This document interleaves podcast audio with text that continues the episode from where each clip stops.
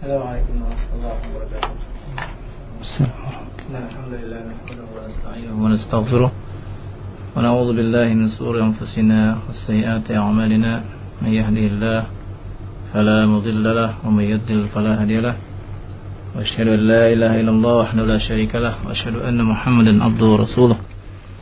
يا أيها الذين آمنوا اتقوا الله حق تقاته ولا تموتن إلا وأنتم مسلمون.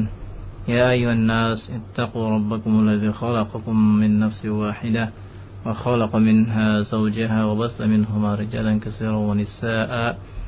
واتقوا الله الذي تساءلون به والأرحام. إن الله كان عليكم رقيبا. يا أيها الذين آمنوا اتقوا الله وقولوا قولا سديدا. يصلح لكم أعمالكم ويغفر لكم ذنوبكم. ومن يطع الله ورسوله فقد فاز فوزا عظيما. أما بعد فإن أصدق الحديث كتاب الله وخير الحديث لمحمد صلى الله عليه وآله وسلم وشر الأمور محدثاتها وكل محدثة بدعة وكل بدعة ضلالة وكل ضلالة في النار. Khwan Fiddin Azakumullah Dimanapun antum berada Pendengar setia Radio Roja yang berbahagia. Alhamdulillah. Kita lanjutkan kajian kita Pada malam yang berbahagia ini Tentang kiroah dan tilawah. Pada malam ini Kita melanjutkan Tentang Tariq. Di mana kita telah mempelajari pada bab-bab yang terdahulu ada kiroah, kemudian ada riwayah, dan sekarang yang ketiga at-turuq atau tariq. Yang dimaksud dengan kiroah yang telah kita pelajari yakni bacaan yang dipegang oleh para imam yang sepuluh seperti Imam Asim, Imam Nafi, Imam Ibnu Kasir dan lain-lain. Ya imam yang sepuluh itu dinamakan qiraah. Sedangkan yang dimaksud dengan riwayah yakni para rawi yang meriwayatkan dari ke sepuluh imam tersebut. Seperti Hafiz ini rawi bagi eh, siapa? Asim. Oleh karena itu disebutkan eh, tilawah biriwayati Hafsin an Asim. Eh, bacaan menurut riwayat Hafiz an Asim. Kemudian yang ketiga adalah tariq. Jamaknya turuk. Yakni yang mengambil dari para rawi. Dalam hal ini Al-Imam Ibnu Jazari telah menulis ya, sebanyak 80 turuk, 80 eh, tariq, jalan. Yang kita tidak baca semuanya, kita hanya mengambil sebagian saja untuk kita ketahui, sekedar untuk mengetahui. Seperti qalun dia memiliki dua tarik yaitu Abu Nashib dan Al-Hulwani ya. Dan Abu Nashib itu juga mempunyai dua tarik lagi. Demikian juga Al-Hulwani mempunyai dua tarik lagi. Karena itu semuanya dikumpulkan oleh beliau sebanyak 80. Dan yang terpenting buat kita adalah tarik dari riwayat Hafiz an Asim. Karena kita selama ini terutama di negeri kita Indonesia kebanyakan kaum muslimin membaca dalam sholatnya riwayat Hafiz an an Asim. Nah, tarik yang ada yang sampai kepada kita dari Hafiz an Asim kebanyakan dari Ubaid bin Sabah dan Amr bin Sabah. Ya dan keduanya juga mempunyai dua tariq. Oleh karena itu fokus kita sekarang ini adalah kepada riwayat Hafiz an Asim. Untuk itu kita kembali mengingat turjuma atau biografi Al-Imam Asim bin Abi Najud ya, di mana beliau adalah salah seorang dari sepuluh kiroah pemangku kiroah dan beliau adalah termasuk seorang tabi'in as-sighar yang lahir pada masa pemerintahan Muawiyah radhiyallahu an. Beliau membaca Al-Quran kepada Abu Abdurrahman As-Sulami dan kepada Zir bin Hubeish Al-Asadi.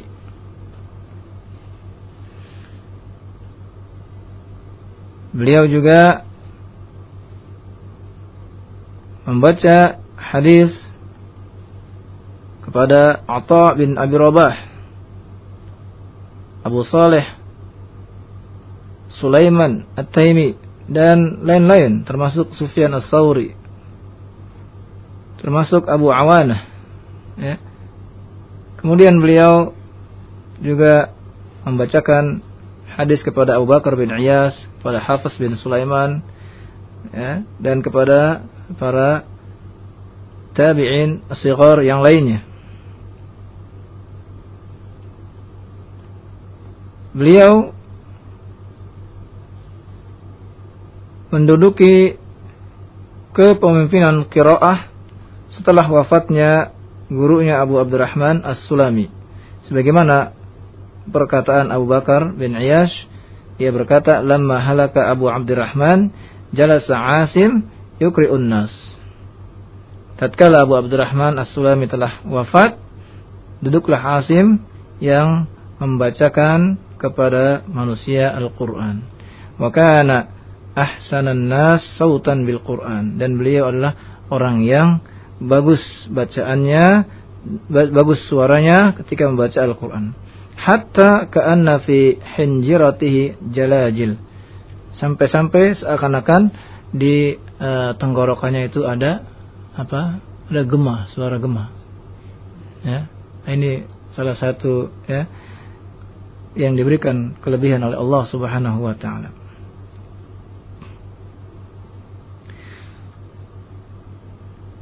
Berkata Yahya bin Adam Hadatsana Hasan bin Saleh. Qala Hasan bin Saleh menceritakan kepada kami dia berkata ma ra'aitu ahadan qattun afsah min Asim. Aku tidak melihat seorang pun yang lebih fasih bacaannya daripada Asim. Iza takallama kada yadkhulahu khuyala. Apabila dia bicara, hampir-hampir kelihatan seperti orang yang ha, berlaku sombong. Kenapa? Fasih dalam uh, pengucapannya. Ya. Padahal dia tidak tidak sombong. Ya. Berkata Abdullah bin Ahmad bin Hambal, "Sa'altu Abi an Asim." Kata anaknya Ahmad bin Hambal, aku bertanya kepada bapakku tentang Asim. Faqala rajulun salih, khairun, siqah. Orang yang soleh, yang baik dan siqah. Kultu, aku bertanya lagi, ayul kiraat ahabbu ilaik. Kiraat mana yang paling engkau cintai? Qala kiraah ahlul Madinah. Kiraahnya ahli Madinah. Siapa? Kiraah siapa? Nafi'. Ya, ahli Madinah Nafi'. Fa'ilam yakun atau Asim. Jika tidak ada maka aku pilih kiroah Asim. Ya. Kemudian Al-Imam Az-Zahabi mengatakan karena Asim sabatan fil qira'ah, saduqun fil hadis. Asim kuat dalam qiraah dan saduq dalam masalah hadis. Beliau wafat tahun 128 Hijriah. Nah inilah uh, sedikit tentang biografi Al-Imam Asim. Kemudian rawinya yang sampai kepada kita yang kita baca adalah Hafiz bin Sulaiman bin Mughirah. Dia adalah anak tirinya dari Asim karena Asim menikahi ibunya dan dia tinggal bersama Imam Asim di eh, rumah yang sama. Lahir pada tahun 90 Hijriah. Kata Yahya bin Ma'in, "Ar-riwayatus sahihah allati ruyat an qiraati Asim riwayat Ibnu Umar Hafiz bin Sulaiman." Riwayat yang sahih yang dirawikan dari qiraah Asim yaitu riwayat Ibnu Umar Hafiz bin Sulaiman.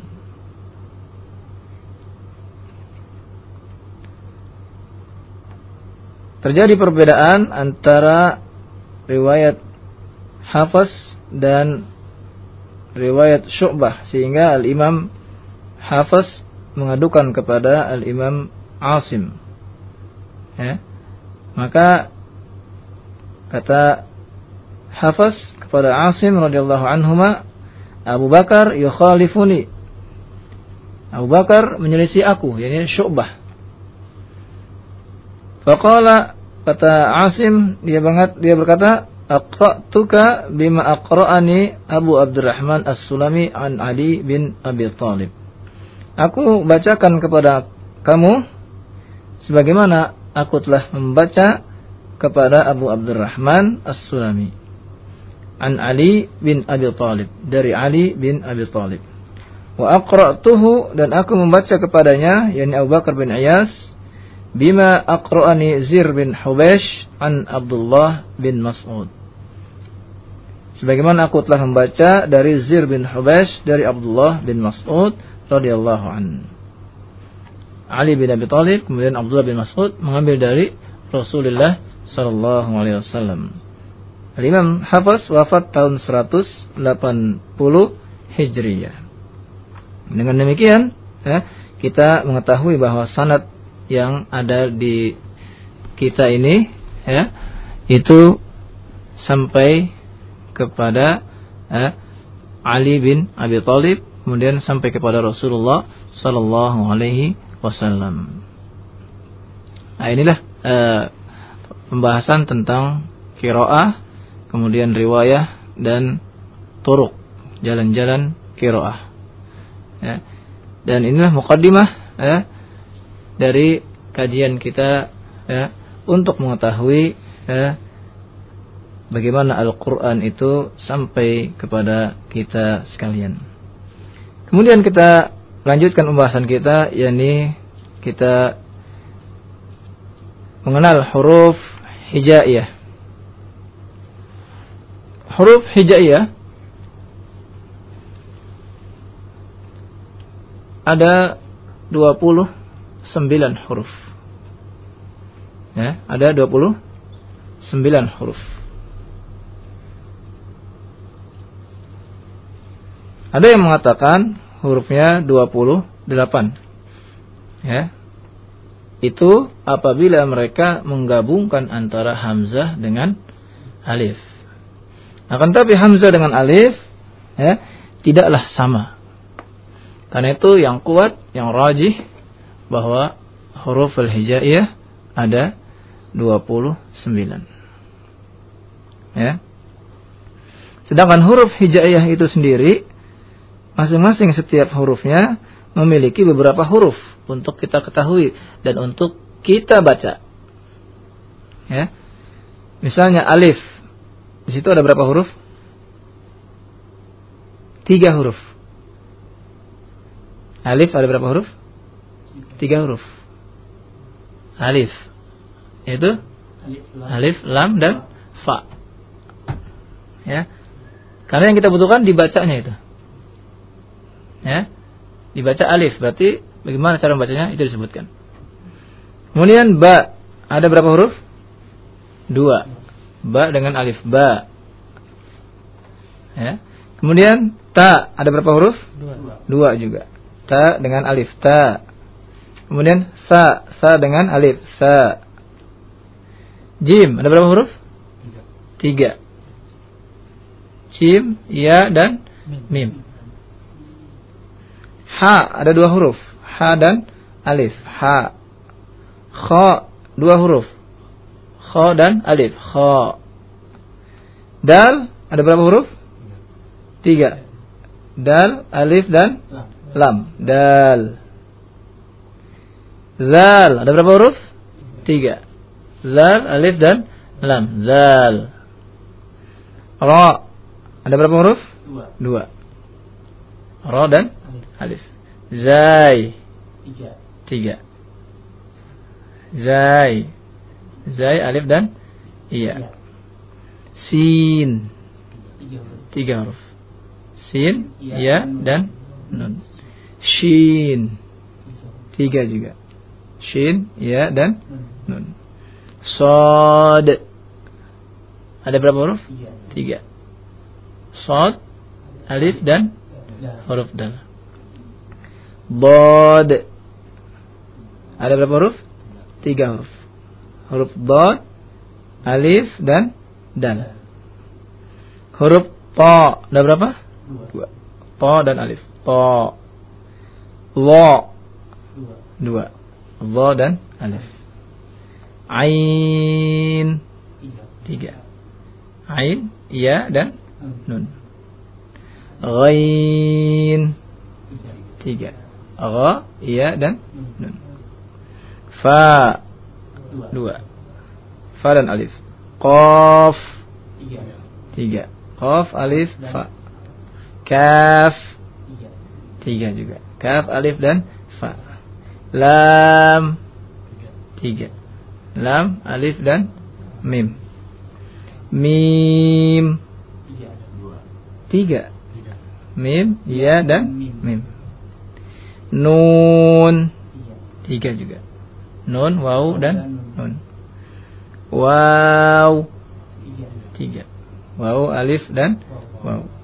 Ha. Dua. Dua. Ha dan Alif. Ya. Dua. Ya dan alif. Hamzah. Empat. Ya. Ha, Mim. zai, dan ta marbutoh. Ya. Hamzah. Ada empat huruf. Apa faedahnya kita mengetahui ini? Karena nanti kita akan baca ini. Ketika di awal-awal surat. Yang merupakan i'jazul Quran. Ya, mukjizat dari Al-Quran. Sehingga seseorang harus tahu. Karena itu, ya, ya dalam pelajaran awal-awal ketika kita belajar membaca Al-Quran, ya, dianjurkan mengenal huruf terlebih dahulu. Huruf hijaiyah. Maka itu terkenal lah ada namanya kaidah Baghdadiyah. Dahulu kita belajar kaidah Baghdadiyah, masih ingat tidak? Alif, ba, ta, sa, jim. Ah, itu seperti itu. Ya? Ya? Al-Qaidah Al-Baghdadiyah. Nah, orang dulu bilang apa? Turutan. Nah, ya, itu kita dulu belajar seperti itu. Ya, sebentar dia bisa baca Quran dan lancar bagus bacanya. Ya, tapi zaman sekarang ini, ya, anak-anak yang sekarang ini lebih suka baca buku apa? Buatan lokal, ya, Iqra, ya, sehingga banyak yang tidak kenal huruf karena langsung baca. Ya. Dan kebanyakan lulus dari Iqra tapi bacanya tidak selancar lulusan kaidah Baghdadiyah ini. Beda. Ya. Nah itu. Allah alam. Apakah barokahnya beda? Kita nggak tahu ya.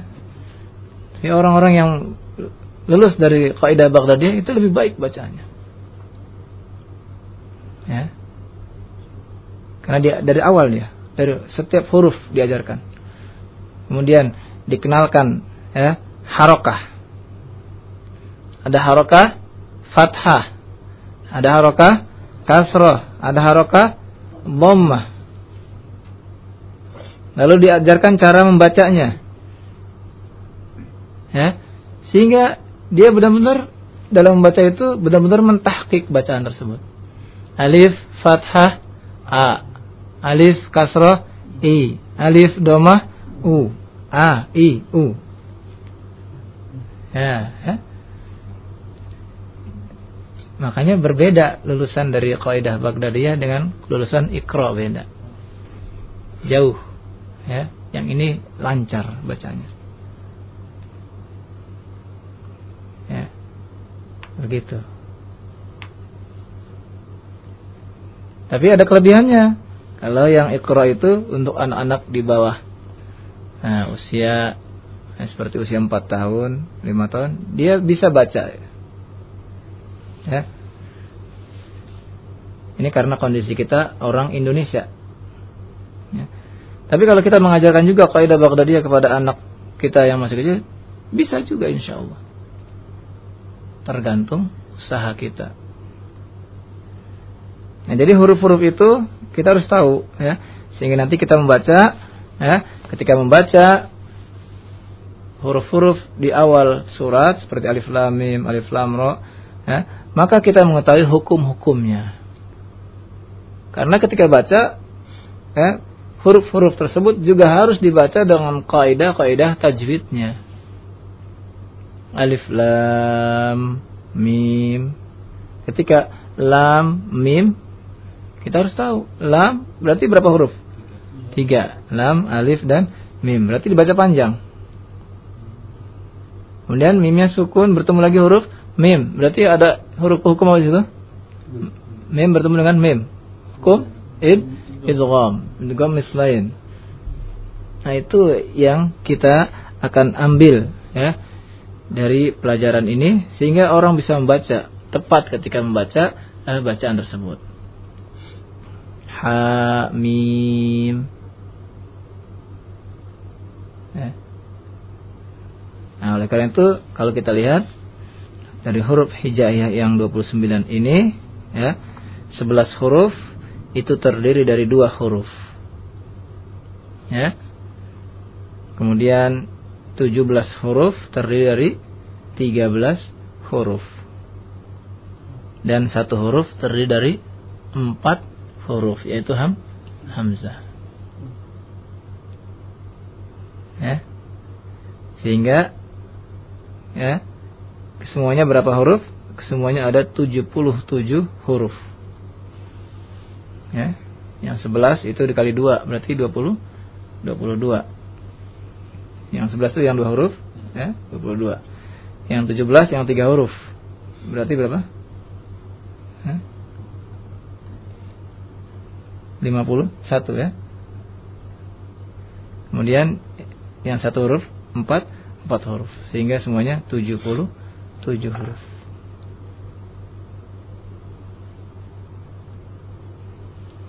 Ya, bisa dipahami insyaallah ya.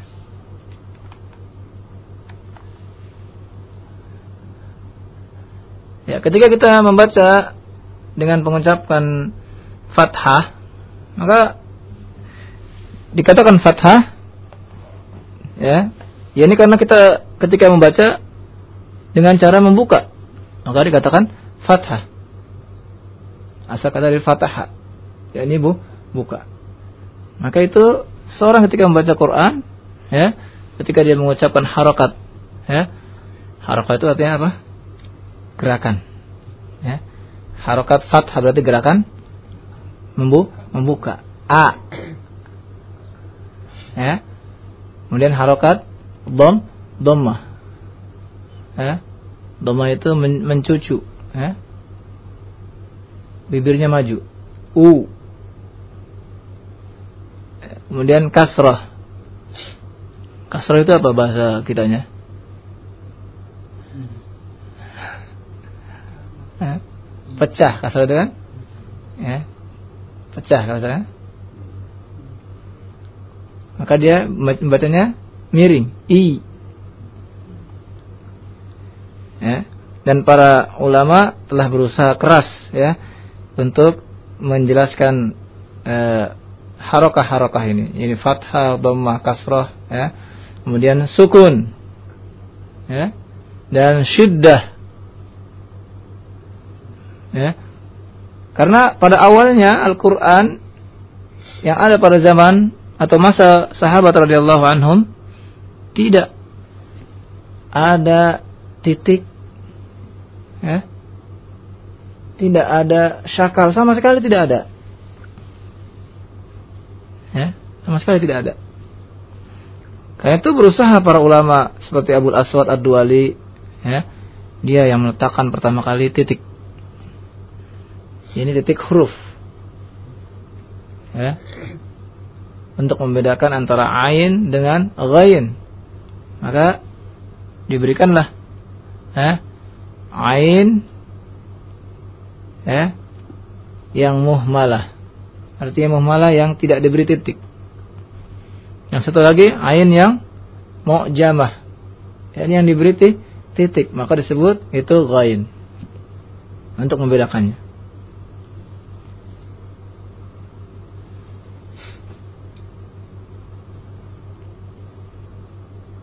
Demikian juga titik huruf ba, huruf ta dibuat. Ah, kemudian pada masa Bani Abbasiyah barulah ya, tampil seorang ulama ya, Khalil bin Ahmad Al-Basri dia kemudian meletakkan ya, huruf wawu ditulis dengan tulisan yang kecil dan dijadikan sebagai dhammah. Ya. Huruf wawu ya dijadikan sebagai huruf dom, harokat dom, dhammah. Kemudian huruf alif ya, ditaruh di atas itu menunjukkan harokat fathah dan huruf alif ditaruh di bawah menunjukkan harokat kasroh. Ya. Kemudian diambillah kepala huruf sin untuk menandakan syiddah tasdid ya. Dan kepala huruf H itu sebagai sukun. Maka akhirnya Quran ya semakin eh, jelas. Kemudian ditambah lagi oleh para ulama berikutnya tanda-tanda wakaf. Ya, tanda mim ya sebagai tanda wakaf mutlak ya, tanda to eh, eh, mim sebagai wakaf lazim to sebagai wakaf mutlak dan lain-lain dibuat oleh para ulama sehingga ya, eh, Quran yang kita baca sekarang ini ya, itulah hasil jerih payah para ulama yang terdahulu.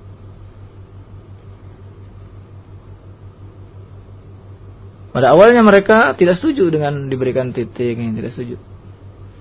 Ya.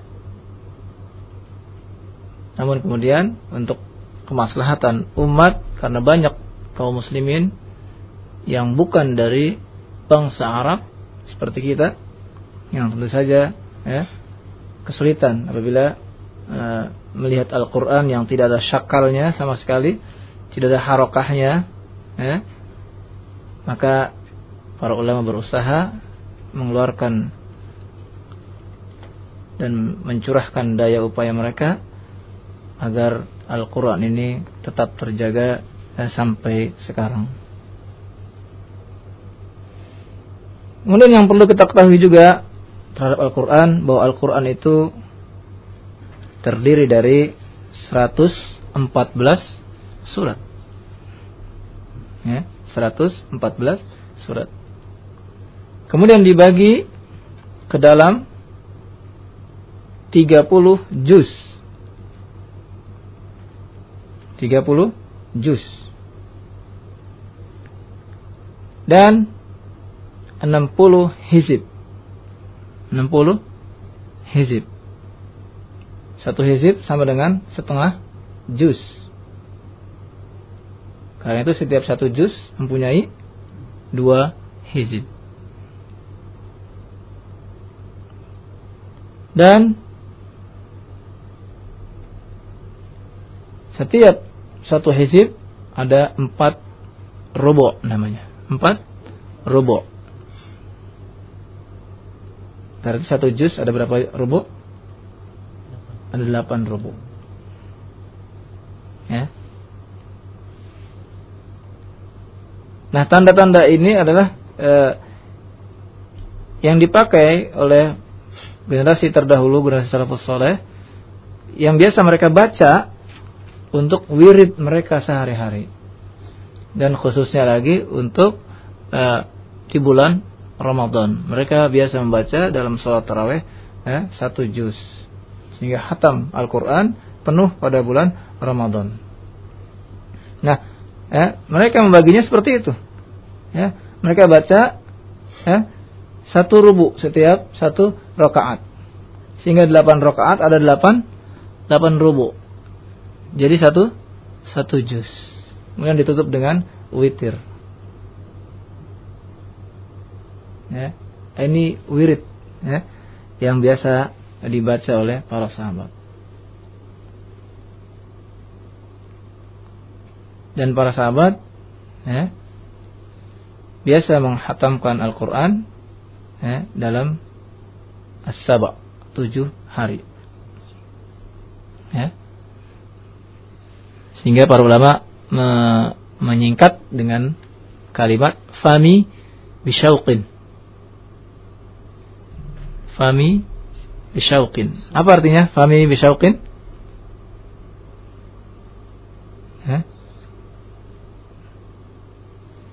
Fami. Apa fami? Mulutku. Bisyaukin. Apa? Syaukin? Selalu merin, merindukan. Ya, singkat seperti itu. Ini kita lihat ya, huruf fa ini adalah simbol dari surat Al-Fatihah. Untuk hari pertama dibaca surat Al-Fatihah. Sampai huruf mim. Apa itu huruf mim? awal surat Al Al-Maidah. Jadi hari pertama dibaca dari Al-Fatihah sampai akhir surat An An-Nisa. Ya. Hari kedua mulai dari mim di surat Al Al-Maidah. Ya. Sampai huruf ya. Apa huruf ya? Surat Yunus ya, surat Yunus. Berarti hari kedua dia baca surat Al-Maidah sampai surat At At-Taubah. Ya. Hari ketiga surat apa? Yunus dia mulai ya. Sampai huruf ba. Surat apa itu huruf ba? Ya. Bani Israel. Berarti hari ketiga dia baca surat Yunus sampai surat An Nahl. Hari keempat dia baca Bani Israel, surat Al-Isra. Nah, sampai huruf Shin, Asy-Syu'ara. Ini sampai surat Al-Furqan akhirnya. Ya. Bani Israel sampai Al-Furqan. Kemudian hari kelima dari Asy-Syu'ara sampai wow ini wasafat. Ya, was wasafati saffa. Ya. Hari ke-6 dari wasafat sampai qaf, surat qaf. Dan hari terakhir hari ke-7 dari surat qaf sampai An-Nas. Ya. Ini wirid para para sahabat radhiyallahu anhum jami'an. Karena itu terjaga mereka hafalannya. Kuat mereka hafalannya. Karena antum bisa bayangkan setiap tujuh hari. Ya, setiap tujuh hari dia hatam.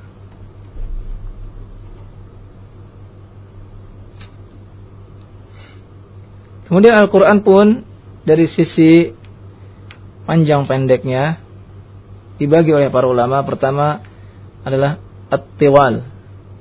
Ini tujuh surat yang panjang. As-Sab'ut Tiwal. Tujuh surat yang panjang. Ini Al-Baqarah. Ali Imran. An-Nisa. Al-Ma'idah. Al-An'am. Al-A'raf. berapa itu? 6 ya.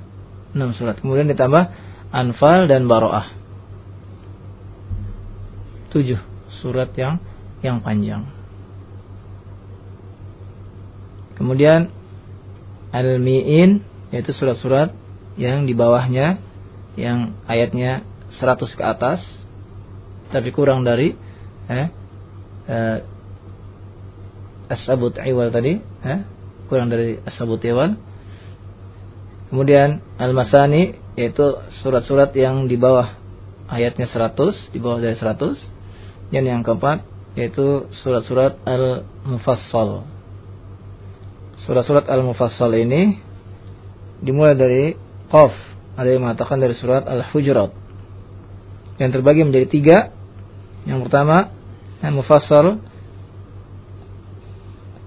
At-Tiwal, Mufassal yang panjang, mulai dari surat Qaf sampai Amma, Amma yatasa'alun.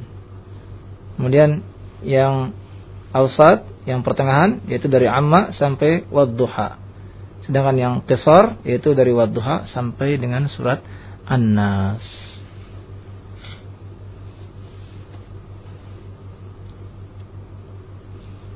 Ya. ya. Inilah ya, bagian dari Al-Quran yang perlu kita ketahui. Berikutnya, kitab yang kita dianjurkan untuk belajar tentang ilmu tajwid ya. Dalam hal ini tentu ya, kitab yang banyak dipakai ya, seperti kitab Matan Tuhfatul Atfal. Ya. Matan Tuhfatul Atfal. Kemudian kitab berikutnya adalah kitab Matan Jajariyah ya, kitab matan Jazariyah. Nah, ini biasanya ya, Tuhfatul Atfal ini untuk pemula. Dan matan Jazariyah ini untuk yang berikutnya. Dan biasanya ini kedua kitab ini ya, dihafal. Ya. Dihafal, ya kitabnya tidak besar, dia kitabnya kecil. Ya.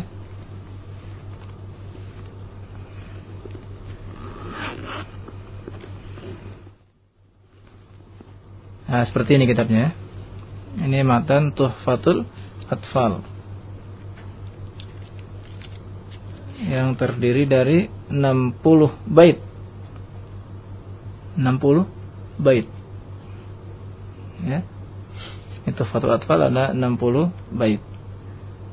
Kemudian matan Jajariyah ya, itu ada 109 bait. Ya. Nah, pernah kita belajar ini? Belum ya Pak ya? Ah, belum ya. Ya. Khususnya uh, saudara-saudara kita kaum muslimin yang uh, mengajarkan di ya, di pesantren-pesantren ya. Ini ya sangat dianjurkan ya, santri-santri untuk menghafal tuhfatul atfal. Ya mulai dari mukadimah sampai akhir. Ya.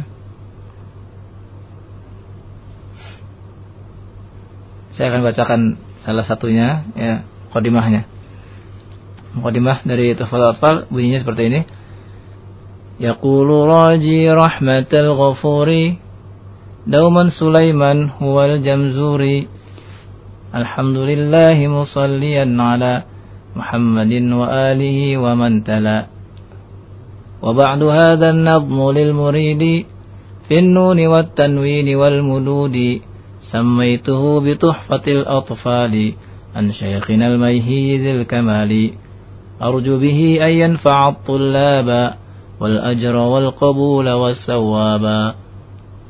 Nah itu ya. Ya, itu dihafal. Nanti baru ya mempelajari ahkamul mim eh, ahkamun nun sukun eh wat tanwin. Nah, ini dihafal. Ya. Begitu, Pak. Hah? Coba, ada yang mau baca siapa bisa? Ayo, baca. Hah? Coba. Enggak, enggak, enggak, dulu, enggak. Nah, ada ya. Fadal baca. Ya itu. Baca hukumnya apa? Ahkam. Ahkamun nun Hmm. Hmm. tan- Tanwin. wa tanwin. Iya.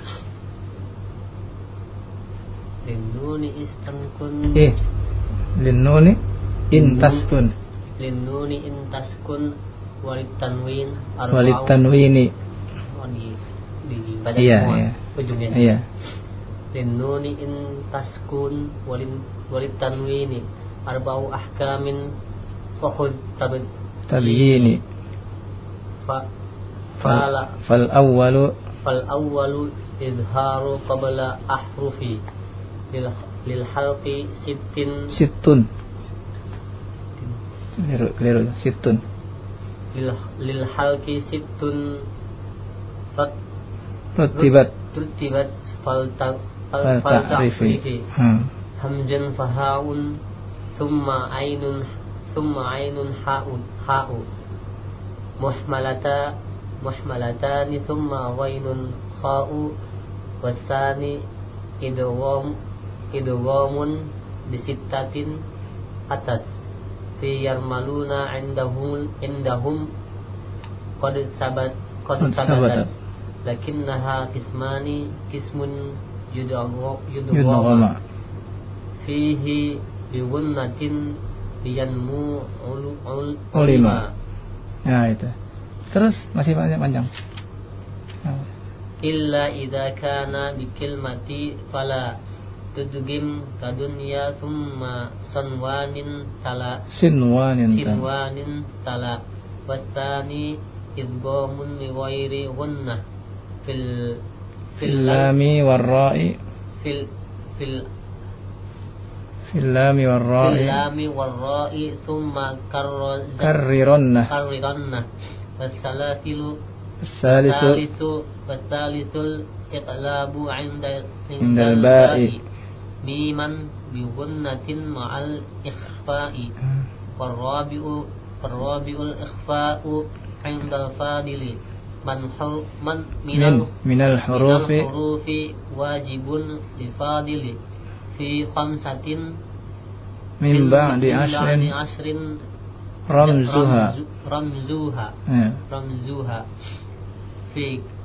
في في كلم في كلم هذا البيت هذا البيت قد قد ضمت ضمنتها سف سف ذا سف ذا ثنا كم جاد شخص sun جاد جاد شخص شخص قد قد سما. سما دم طيبا زد في تقاضى ظالما Ayo, gitu. Nah, itu ya. Ya, itu dihafalin ya seperti itu. Nah, ini ini untuk apa? Untuk mengetahui dan memahami eh, tajwid. Ya. Jadi dengan hafal 60 bait berarti sudah eh, sudah menghafal ilmu ilmu tajwid. Ya. Jadi eh? Sulaiman Al-Jamzuri kan disebutkan. Yaqulu raji rahmatil ghafuri Dauman Sulaiman huwal jamzuri. Hai tadi itu. Namanya itu ya. Hah? Ya insyaallah ada kayaknya. ya ya. Ahkamun nun. Hah? Sakinah wa tanwin ya. Jadi kalau antum baca di di apa? di dinagomkan, nah itu insya Allah cepat hafal. Ya. Ya artinya juga harus tahu juga gitu. ya. Linnuni in taskun walit tanwini arba'u ahkamin fakhud tabini. Fal awwalul izharu qabla ahrufi lil halqi sittun rutibat fal ta'rifi. Hamzun faha'un thumma 'ainun ha'u muhmalatani thumma ghainun kha'u. Ya kan? Seperti itu kan? Mudah insyaallah. Ya. Idghamun bi sittatin atat في يرملون عندهم قد ثبتت لكنها قسمان قسم يدغم فيه بغنة بينمو لما إلا إذا كان في كلمة فلا تدغم قدنيا ثم صنوان تلا. وثاني إدغام بغير غنة في اللام والراء ثم كررنه. والثالث الإقلاب عند الباء ميما بغنة مع الإخفاء. والرابع الإخفاء عند الفاضل من الحروف واجب للفاضل. في خمسة من بعد عشر رمزها في كلم هذا البيت قد ضمنتها. صف ذا ثنا كم جاد شخص قد سما دم طيبا زد في طقى ضع ظالما Nah, begitu. Ya. Di 60 apa? 60 bait, 61 bait. Ya. Ya. Sudah hafal? Ya. Ya tadi mukadimah dan ahkamun nun sukun dan dan tanwin ya. Kemudian berikutnya matan jazariyah ya itu juga ya kalau bisa di dihafal ya.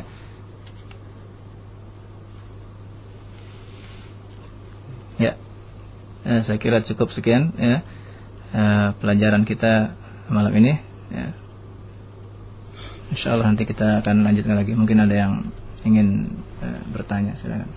Nah, demikian ikhwatul Islam azanillah wa yakum mukaddimah yang disampaikan oleh Ustaz Ali Subhanah Allah bagi antum para pendengar Radio Roja yang ingin bertanya perihal tema kita malam hari ini dapat e, menyampaikan langsung melalui telepon di line 0218236543 atau disampaikan melalui pesan singkat melalui nomor 0217073543. Sekali lagi kami mengundang kepada para pendengar Radio Roja di mana pun antum bisa menyimak siaran kami perihal e, tema kita pada malam hari ini bimbingan tilawatul Quran bersama Ustadz Ali Subhana Hafizahullah Ta'ala. Dan untuk pertama kita angkat e, pertanyaan melalui SMS ya. Assalamualaikum Ustadz ada berapa ayat dalam Al-Quran dan basmalah di Al-Fatihah apakah termasuk ayat pertama dalam Al-Quran? Zakallah khair Uh, Bismillahirrahmanirrahim ya. Sebagian ulama ya, bahkan jumhur ulama ya, mengatakan bahwa Bismillahirrahmanirrahim salah satu bagian dari ayat surat Al-Fatihah. Dan Bismillahirrahmanirrahim yang ada di awal setiap surat itu adalah pembatas antara satu surat dengan surat yang lain. Kemudian Bismillahirrahmanirrahim juga ada terdapat di surat An-Naml ya, yang merupakan bahagian dari ya, ayat di surat An-Naml tersebut. Wallahu a'lam. Hmm. Demikian jawaban dari Ustaz Ustaz Ali Sabana dan mudah-mudahan bagi penanya bisa uh, dimengerti. Eh, kemudian untuk para pendengar Radio Roja yang ingin menyampaikan pertanyaan melalui telepon di 021 823 6543 dan e, melalui pesan singkat di 021 7073 6543. Kita angkat melalui SMS lagi dan ada beberapa SMS yang masuk. Assalamualaikum. Bagaimana praktek pengucapan qalqalah pada huruf kaf Demikian dari Yasin di Cibitung. Iya, gimana? Bagaimana praktek pengucapan qalqalah pada huruf qaf? Iya. Ya. Terima kasih. Pertama kita harus mengetahui makhraj huruf qaf tersebut. Ya.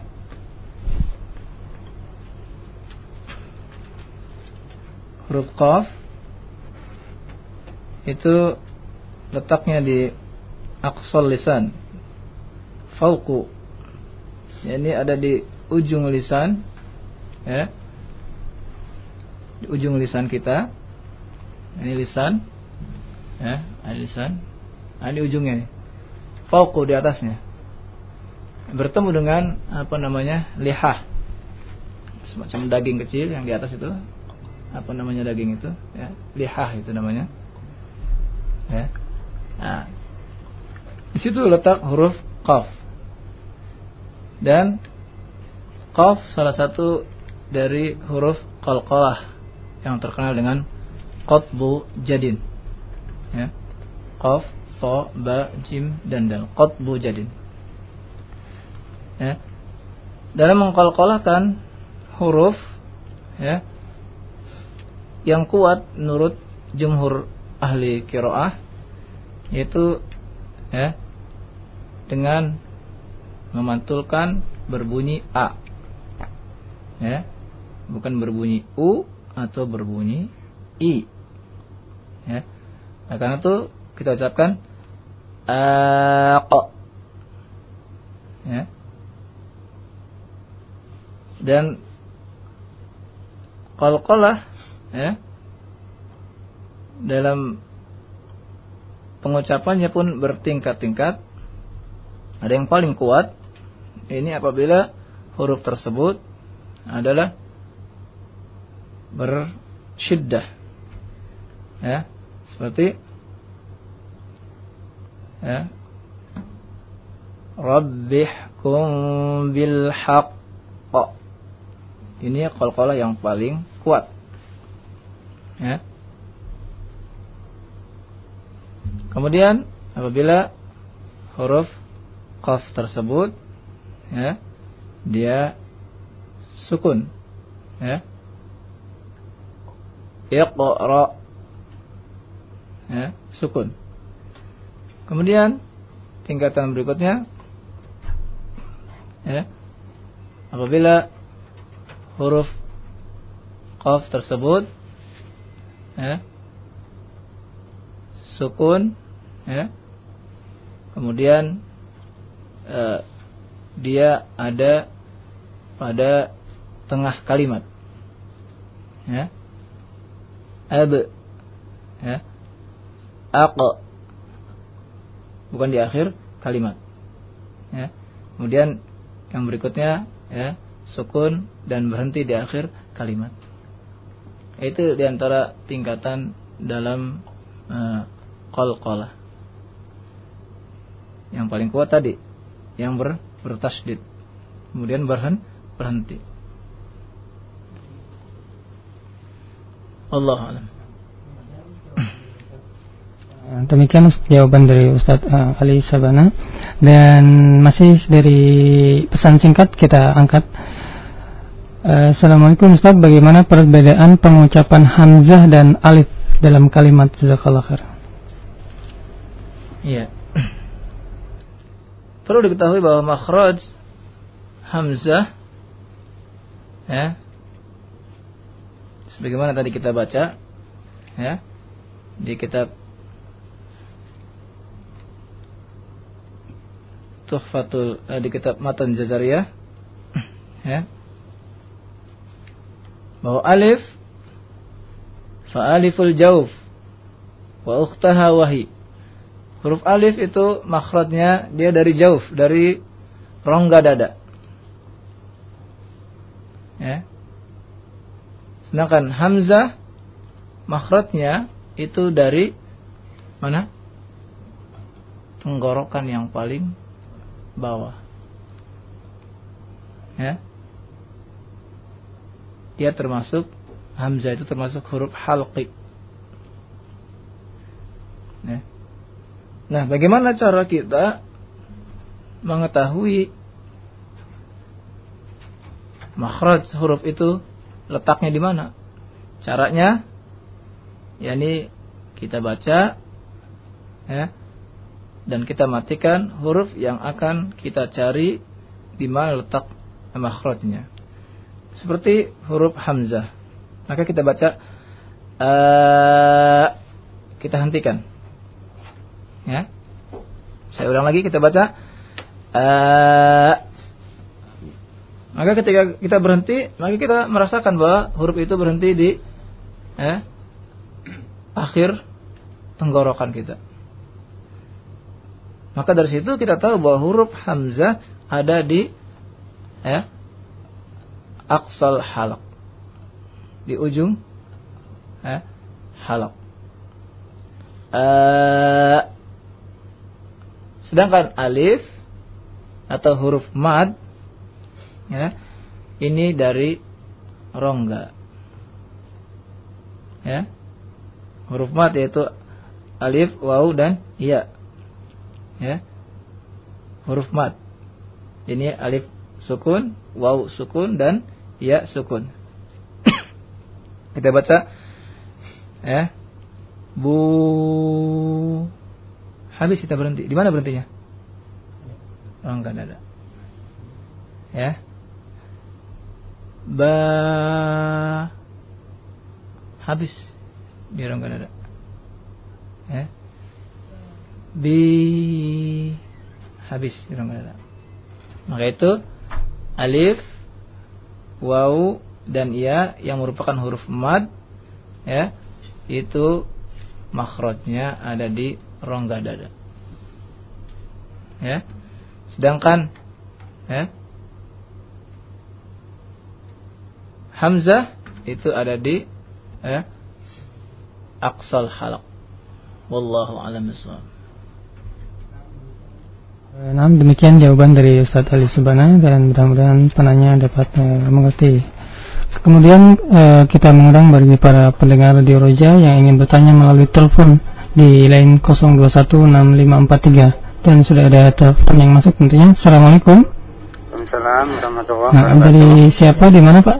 Abdul Halis Pak di Medana Gading Tambun Pak. Uh, menanya nih Ustaz. Betul. Nah, seperti yang Ustaz tadi sampaikan bahwa uh, kita dulu bacanya pakai itu ya apa turutan itu ya yang udah sekarang pakai ikro. Nah, saya kenal awal uh, baru masuk Islam. Jadi dia belajar bahasa bahasa, itu pakai turutan Ustaz. Iya iya. Tapi dalam kaidahnya beda dengan daerah kita di daerah Jawa itu kalau di Jawa kan alif fathah A, alif fathah I, alif jama'u begitu. Iya betul. Eh, kan dia lagi tinggal di Riau dan bahasanya itu alif jar A, alif jar I gitu. Jadi kita mau mengontrol bacaannya itu agak beda itu karena saya sering ngontrol bacaan dia waktu kita pakai lewat telepon itu sama sambil kita ajarin gitu. Nah, nah pertanyaan saya, uh, bagi yang mu'alaf ini uh, alangkah baiknya baca pakai ikra atau kaidah baca dia tersebut Ustaz. Iya. Ya. Assalamualaikum warahmatullahi wabarakatuh. Waalaikumsalam warahmatullahi wabarakatuh. Untuk belajar membaca ya, kita tidak memaksa ya mau belajar dengan kaidah yang mana? Kaidah Baghdadiyah ya tidak apa-apa ya. Kaidah Iqra juga tidak apa-apa ya.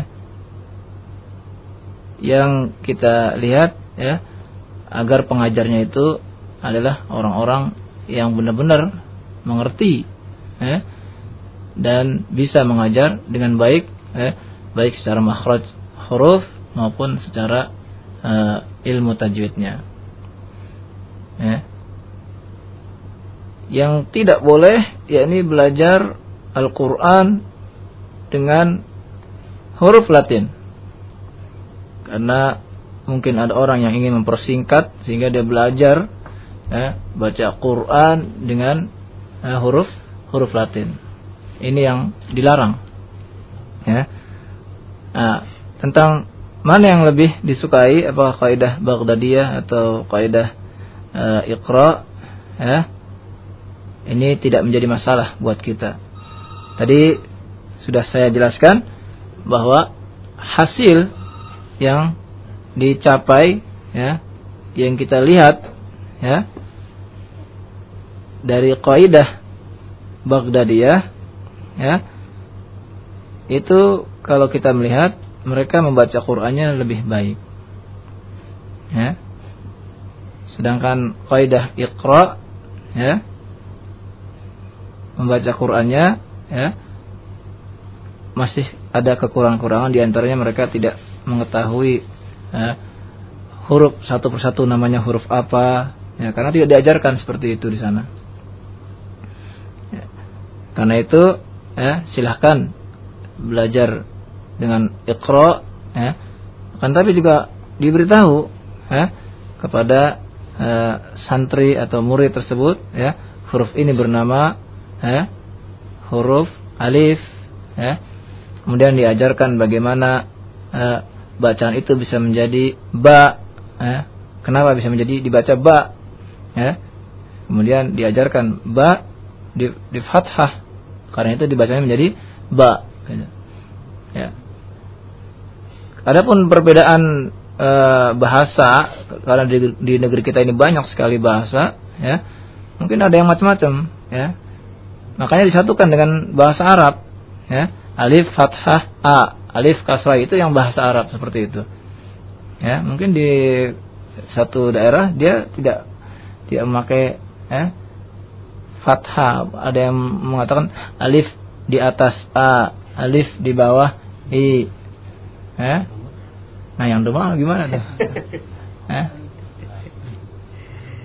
Ada yang seperti itu ya? Bisa jadi seperti itu kan? Nah, itu ya disatukan dengan bahasa Arab maka cukup ya eh, dengan alif fathah a, alif kasrah i, alif dhammah u, a i u. Ya.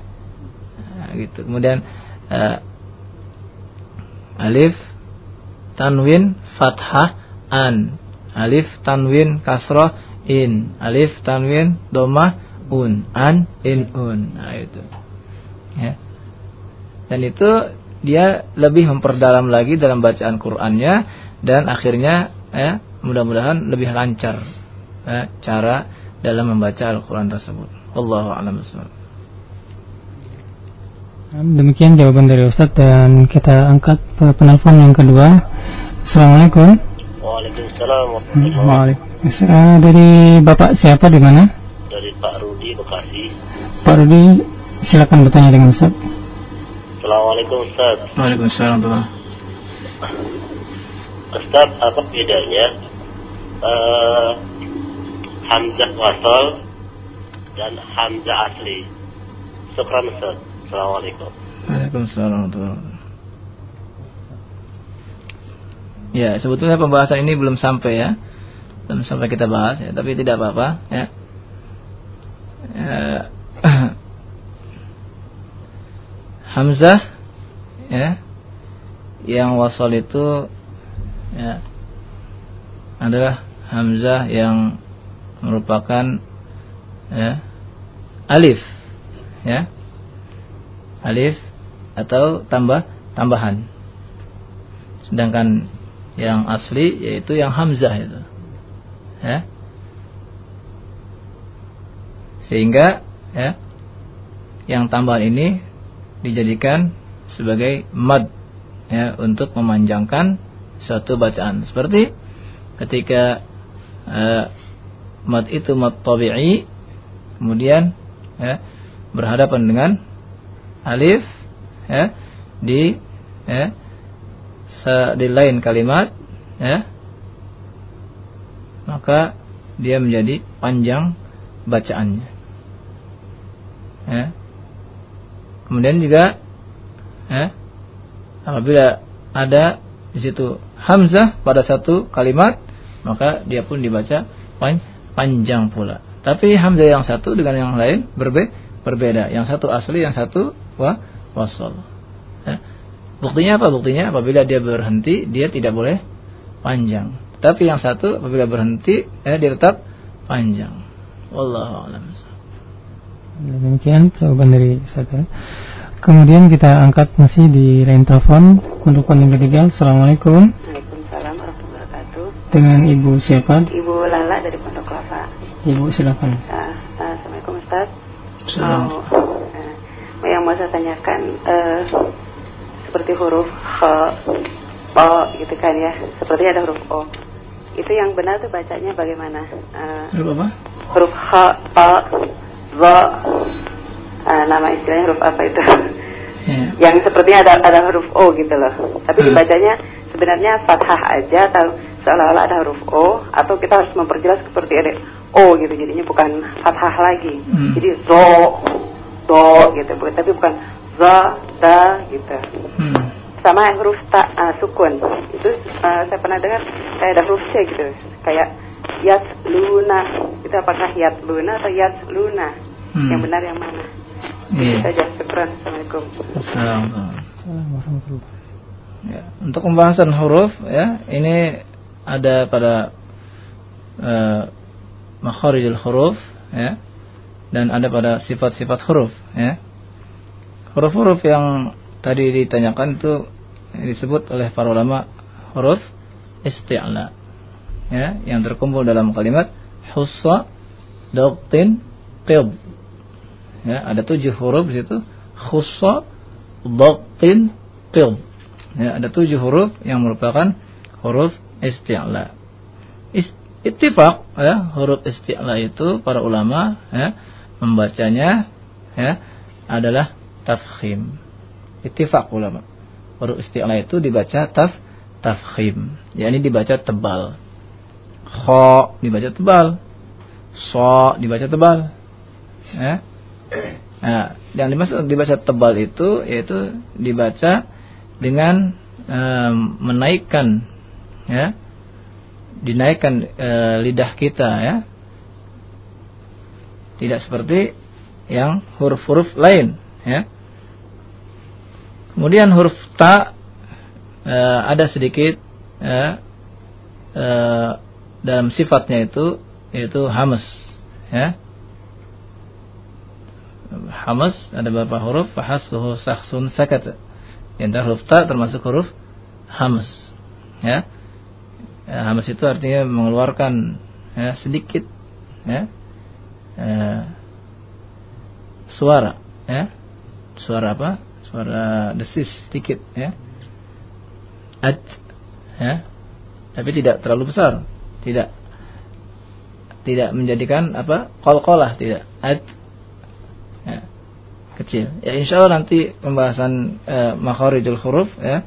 Eh, walaupun eh, sudah pernah dibahas oleh eh, Ustaz Qurnaidi nanti insya Allah kita akan eh, bahas lagi pada kesempatan-kesempatan yang akan datang. Wallahu a'lam Nah demikian Ibu Lala jawaban dari Ustadz dan tetap kemudian kita angkat masih di line telepon. Assalamualaikum. Assalamualaikum Dengan Bapak siapa di mana? dari Abu Zaid Jakarta Ustaz. Udah Abu Zaid. Tafadhal. Ustaz. Assalamualaikum Ustaz. Waalaikumsalam warahmatullahi Ini eh eh nah, terus Ustaz, di lalu-lalu kan eh, dipandu sama Ustaz Medi gitu ya. Ini pemula atau gimana Ustaz? Gimana? Terus Bisa diulang pertanyaan Pak? ya, maksudnya ini untuk untuk eh, pertemuan eh, hari ini apa apa bahasannya ini untuk pemula atau memang sebelumnya udah udah pernah pernah dibahas gitu pernah saya baru, baru ikut gitu loh terus sama ini Ustaz kenapa kok nggak diajukan classroom aja gitu loh biar ini kan masalahnya sangat penting ya jadi biar biar ada classroom jadi ada pertemuan eh, antara murid dengan ustadznya gitu loh itu aja Ustaz Nah. Hmm. Assalamualaikum.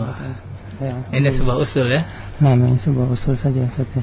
Iya, ya insya Allah nanti mungkin eh, radio Roja ya, Ya, akan mengadakan pertemuannya, ya, akan menjadi menyediakan media pe- pertemuannya, ya, Ya, entah kapan ya, mudah-mudahan ya, Ya. ya mungkin tempatnya mungkin ya, Hmm. tempat kita di masjid, ya, kurang besar kelihatannya ya, iya, ya. kurang besar ya, mungkin hanya menampung sekitar berapa ratus orang ya. Ya. Nanti kalau tempatnya besar ya insya Allah ya. Mudah-mudahan ya. Nah, demikian eh, kalau kan kayak dari Abu Zaid atas eh, usulannya dan pertanyaan berikutnya kita angkat dari lain es- pesan singkat. Assalamualaikum Ustaz, bagaimana dengan matan jurumiyah? Di mana dapat da- ada bi- di mana bisa didapatkan matan yang dua tadi ya, matan Tofatul Atfal dan Jazariyah? Dan kepada siapa Anda bisa belajar? Syukran. Assalamualaikum Abu Hamidah. Di mana, Dari Abu? Hamidah. Di mana dia? Dari Abu, Abu Hamidah dan tidak disebutkan di mananya. Ah iya. Ya untuk beli buku tentu di toko buku pertama ya. ya. Karena bukunya buku bahasa Arab ya. Ya toko bukunya yang yang menyediakan kitab-kitab bahasa Arab. Ya. Ya ikhwan kita mungkin ada yang apa? Yang punya toko ya dengan bahasa Arab ya. Ya bisa ya beli kepada mereka ya. Insyaallah. Wallahu alam. Dan demikian apa Tuhfatul Athol ini ini nggak nggak perlu diterjemahkan ini nanti nggak ngapalin jadinya ya? biar kalian paham sama artinya ah, iya. Yang saya tahu ini juga mempunyai sanad juga ya tapi saya nggak nggak ini nggak nggak mencari waktu itu iya baik demikian jawaban untuk Ibu Hamidah dan kita angkat dari line telepon. Assalamualaikum. Waalaikumsalam warahmatullahi wabarakatuh Ustaz Ya, dari Ibu siapa di mana? Dari Ibu Hanif di Pondok Ungu Ustaz Nah, Ibu Hanif ya, Ustaz. Ini Ustaz mau tanya Kalau uh, huruf ya yang dimatikan Seperti goni Dan dengan huruf yang emat Itu cara bacanya sama apa enggak Itu Kurang yang jelas belum? Bisa jelas? diulangi Ibu pertanyaannya yang jelas. ya, huruf-huruf ya yang dimatikan. Contohnya eh, dalam kata goni yuk gitu kalau kita matikan Hmm. eh, dengan bacaan mad ya yang dimatikan, misal apa gitu yang ya panjang gitu ya mad itu cara bacanya sama apa tidak gitu. iya iya Terus yang kedua untuk pembacaan yang dimatikan seperti di Al-Fajr itu uh, wal fajri walayalin asr itu rohnya itu cara mematikannya itu gimana Ustaz? Uh, ya, terima kasih ya Ustaz ya. Waalaikumsalam. Ya, Assalamualaikum warahmatullahi Waalaikumsalam warahmatullahi Saya di mana Ustaz? Iya. Tentang huruf ya, ya, ketika dimatikan, ya, eh, dia apabila di situ bertasdid, eh, dibaca huruf ya tersebut, ya, ya seperti qani. Kalau dia ada huruf iya-nya bertasdid, maka dia dibaca huruf ya-nya. Sedangkan yang mat ya biasa saja dibacanya. Alimun hakim ya itu huruf ya-nya dia, dia sukun dibaca seperti itu biasa saja. Sedangkan tadi yang keberapa ya? Yang kedua? Yang sudah cara pembacaan eh, huruf yang dimatikan seperti al-fajr gitu. Ah ya. Itu ya dengan eh, ditafkhimkan huruf ra-nya. Wal fajr wal layalin 'ashr wasyaf'i wal watr wal laili idza. Ketika wal laili idza maka di sini dia dibaca tarqiq. Karena asalnya wal laili idza yasri. Tapi ada huruf yang makhluf yang dibuang. Allah alam. Nah demikian dan masih kita angkat dari line telepon. Eh, anda dapat telepon ke line 0216543 dan mungkin kita angkat terlebih dulu dari pesan singkat dan sudah banyak sekali yang masuk di pesan singkat. Eh, Assalamualaikum Ustaz, bagaimana cara membedakan bacaan iklab dengan ikhfa safawi? Iklab dengan ikhfa safawi berikut dengan contoh keduanya dari Kumaidi di Rawablong. Mungkin kita Hmm. belum sampai ke sana Ustaz. belum sampai kita pelajarannya. Belum sampai, Ya. Tapi ya ikhfa eh, syafawi ya itu pertemuan huruf mim sukun dengan huruf ba ya. Eh, agak sulit kalau kita jelaskan di ya di udara seperti ini ya. Hmm. Mungkin yang melihat saya yang tahu cara bacanya ya. Iya. Ya. Jadi dia dibacanya ya ya e, bibirnya itu ya tidak ter, tidak tidak e, tidak tidak terlalu rapat. Jadi diberikan e, longgar sedikit angin untuk keluar. Ya. Gitu. Paham maksudnya? Ya. Beda dengan eh, apa? Iklab tadi ya. Hmm. Iklab eh, cara membacanya itu ya ada dua. Ada yang dirubah menjadi mim ya. Ambiya. Ada yang ya dengan ya mendengungkan albiya. Ya, keduanya sahih. Ya, boleh keduanya dibaca. Ya, mana yang kita pilih? Sedangkan ya, ikhfa syafawi ya, seperti ayat wahum bil akhirati hum yuqinun. Ya. Ya. Paham? Melihat tadi ya? Jadi tidak terlalu terkatup, bukan wahum tidak, tapi ditahan sedikit wahum bil akhirati hum yuqinun. Wallahu alam. Nah, demikian jawaban dari Ustaz dan kita angkat dari line telepon. Assalamualaikum. Waalaikumsalam warahmatullahi wabarakatuh. Dari siapa di mana Pak? Eh, hamba Allah yang doib. Salam Assalamualaikum Pak Ustaz. Ya, saya di kampung ini belajar ini menghafal sama anak-anak itu cuman cuman global saja biar akal anak kenal huruf-hurufnya gitu. Gimana tuh hukumnya tuh? Terima kasih. Assalamualaikum warahmatullahi wabarakatuh. Waalaikumsalam. Ya, apabila di sana ya Bapak tidak mendapatkan ya guru ya e, tajwid ya maka sebagai usaha kita tolabul ilmi menuntut ilmu ya maka Bapak mengusahakan untuk memanggil ya seorang guru ya untuk didatangkan ke tempat atau ke kampung yang Bapak di sana tinggal untuk mengajar anak-anak. Ya. Karena itu sebagai suatu usaha dari kita dan kesungguhan dari kita untuk uh, membenarkan bacaan kita. Jangan kita terpaku dan diam saja apabila kita mau tahu bahwa diri kita eh, bacaan Al-Qur'annya eh, belum bisa, belum belum benar ya kita harus cari guru yang ya, uh, yang kita bisa belajar darinya. Dan alhamdulillah di negeri kita banyak sekali ya uh, ustadz-ustadz atau guru-guru ngaji yang bacaannya bagus-bagus. Ya, insya Allah bapak bisa dapatkan ya dari sekitar uh, yang dekat dengan bapak terlebih dahulu. Ya, wallahu a'lam Nah demikian kita jawaban dari Ustaz uh, Ali dan kemudian kita angkat uh, pertanyaan dari pesan singkat Ustaz. Uh, Assalamualaikum warahmatullahi wabarakatuh. Barakallahu fiik. Ustaz, ke, apakah benar surat At-Taubah tidak diawali dengan basmalah dan kenapa demikian? Ustaz? Iya, benar sekali. Surat At-Taubah uh, tidak diawali dengan basmalah. Ya.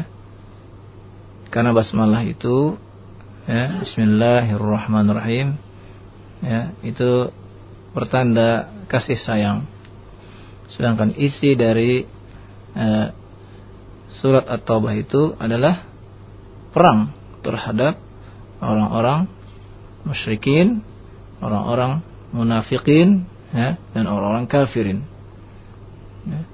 jadi ya, itu yang pertama eh, tidak dicantumkannya basmalah yang kedua, ada yang mengatakan bahwa uh, dia adalah bahagian eh, atau bersambung dengan surat Al-Anfal sehingga tidak dicantumkan basmalah. Eh. Wallahu alam. dan demikian jawaban dari Ustaz Ali. Kemudian kita angkat eh, satu pertanyaan lagi dari lain telepon. Assalamualaikum. Assalamualaikum Ustaz. Assalamualaikum. Assalamualaikum. Dari siapa? Di mana Pak? Hafiz di Cawang, Jakarta Timur. Nah, Abu Hafiz, tafadhal dan Ustaz. Eh, gini Ustaz, saya dulu kan pernah belajar tajwid, tapi dengan Ustadz yang itu ahli bid'ah gitu, suka mengajarkan bid'ah gitu. Eh, kemudian saya berhenti gitu. Terus juga akhlaknya kurang baik gitu. Nah, pertanyaan saya, eh, kalau misalnya saya teruskan lagi de- belajar dengan beliau, apakah boleh? Kemudian de- daerah Timur, di mana saya bisa belajar tajwid dengan ustadz-ustadz yang terpilih. Itu aja Ustaz. Assalamualaikum jazakallah khair. Assalamualaikum. Warahmatullahi wabarakatuh. Iya, eh, memang agak riskan kita belajar dan mengambil ilmu dari orang yang mengajarkan kepada kita hal-hal yang bertentangan dengan sunnah-sunnah Rasul Sallallahu Alaihi Wasallam. Ya. Di antaranya terkadang ya eh, kita diajarkan eh, acara-acara atau doa-doa ya beramai-ramai ya Nah, misalnya baca Allahumma arhamna bil Quran beramai-ramai ya Nah, itu ya, di antara yang yang terjadi ya uh, walhamdulillah uh, banyak sekali sekarang ya saudara-saudara kita para dai-dai para pembaca-pembaca Quran dan pengajar Al-Quran yang bagus bacaannya dan telah pula mengikuti sunnah Rasul Sallallahu Alaihi Wasallam ya, yang ada ya, di seluruh daerah ada insyaallah ya. Jadi antum ya, belajar kepada mereka ya, itu ahsan itu lebih baik ya. Namun apabila antum ya, sudah kuat akidahnya ya, yakni dapat menjaga diri dan tidak terpengaruh ya, kepada mereka ya, dari sisi akhlaknya maupun dari sisi akidahnya tidak terpengaruh maka itu tidak apa-apa ya.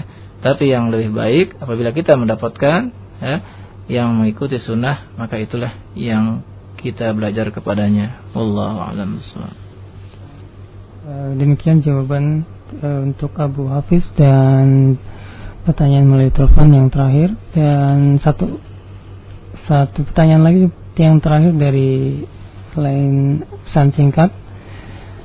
Assalamualaikum, Ustadz mau tanya, apakah benar arti alif lam mim adalah Allah yang Maha Esa memberikan cahaya kepada orang-orang mukmin dan dia pernah membaca buku demikian Ustaz. Jazakallah khair. Uh, arti alif lam mim ittifaq para ulama ya bahwa uh, itu adalah huruf-huruf dari Al-Qur'an dan sebagai i'jaz Al-Qur'an ya. Oleh karena itu kebanyakan ahli tafsir mengatakan mengatakan wallahu a'lamu bimuradih. Allah yang tahu apa maksudnya. Ya. Karena itu tidak boleh kita mengartikan apa yang kita tidak tahu. Ya. Dan itu hanyalah huruf. Ya. Huruf-huruf Al-Qur'an yang didatangkan oleh Allah Subhanahu wa taala sebagai i'jaz, sebagai mukjizat. Sehingga kaum musyrikin tidak mampu menandingi Al-Qur'an ini. Ya. Dan memang tidak ada artinya, ya huruf saja. Ya. Karena itu ya, eh, kita baca sebagaimana huruf-huruf. Dan huruf itu apabila tersusun terdiri dari tiga kata, tiga tiga huruf kemudian menjadi kata, baru dia mempunyai arti. Ya. Kalau hanya huruf-huruf saja ya, tidak mempunyai arti. Nah, karena itu ya, wallahu alam bimrodih itulah ya yang diartikan oleh kebanyakan ahli tafsir Allah lah yang tahu maksudnya ya dan itu hanya huruf-huruf dari Al-Qur'an dan untuk kita baca sebagai mukjizat dari Al-Qur'an itu sendiri wallahu alam bisawab Nah. Eh, demikian jawaban dari Ustaz dan akhir dari acara kita pada malam hari ini. Uh, sebagai penutup mungkin ada kesimpulan terakhir Ustaz. ya Fadal. Eh, sebagai penutup ya, kita ingin memberikan anjuran ya kita sering membaca sirah para ulama ya sejarah para ulama ya para imam-imam yang terkenal seperti Imam Syafi'i, Imam Bukhari, Imam Ahmad, Imam Muslim dan lain-lain ya. Dan kita baca sejarah mereka dan kita takjub kepada mereka ya, luar biasa ya. Dan mereka menjadi orang-orang yang didoakan selalu oleh umat-umat sesudahnya seperti kita sekarang ini ya mengingat jasa-jasa mereka yang begitu besar terhadap Islam dan kaum muslimin ya dan mereka meninggalkan warisan yang besar yaitu ilmu lalu kalau kita memperhatikan ya keberhasilan mereka itu ya maka tidak bisa tidak ya awal yang mereka lakukan adalah Al-Quran. Imam Syafi'i dia hafal Quran ketika usia 7 tahun. Demikian juga Imam Bukhari. Demikian para imam yang lainnya awalnya mereka adalah Al Al-Qur'an yang dituju. Ya. Karena itu di sini saya ingin menghimbau kepada para pengurus masjid ya, agar diadakan di setiap masjid-masjid yang mereka urus itu markas-markas tahfidzul Quran. Ya. Panggil guru-guru Al-Quran ya, ke masjid-masjid tersebut, kumpulkan mereka, buat markas tahfidz. Ya. Agar kembali kita kaum muslimin ya, gemar membaca Al-Quran. Semarakan ya, dengan Al-Quran yang insya Allah Ta'ala Allah akan berikan rahmat dan barakahnya kepada negeri kita ini. Ya. Dan dakwah dengan Al-Quran ini insya Allah diterima oleh seluruh khalayak. Ya. Siapa yang menolak orang baca Quran? Ya. Nah, dari situ insya Allah setelah mereka membaca Al-Quran, memahami Al-Quran, baru kita beri pemahaman isi dari Al-Quran itu sendiri. Ya. Jadi kepada para pengurus masjid, ya, terutama orang-orang yang telah mengikuti sunnah ya bukalah di masjid-masjid tersebut markas markas tahfiz Al-Quran buat ya panggil ya eh, orang-orang yang memiliki hafalan-hafalan Quran dan bagus-bagus bacaannya untuk uh, memimpin ya. Anak-anak muda para remaja ya. Mulai sejak dini ya mereka diajarkan menghafal Al-Quran agar kelak ya Al-Qur'an ini di dada mereka ya menjadi subur ya sehingga ya, yang nantinya ya, akan terlihat dalam amal kehidupan mereka setelah mereka memahaminya. Demikian dari kami. Wallahu a'lam bishawab. Subhanakallahumma wa bihamdika wa asyhadu an la ilaha illa anta astaghfiruka wa atubu ilaik. Wassalamu alaikum warahmatullahi wabarakatuh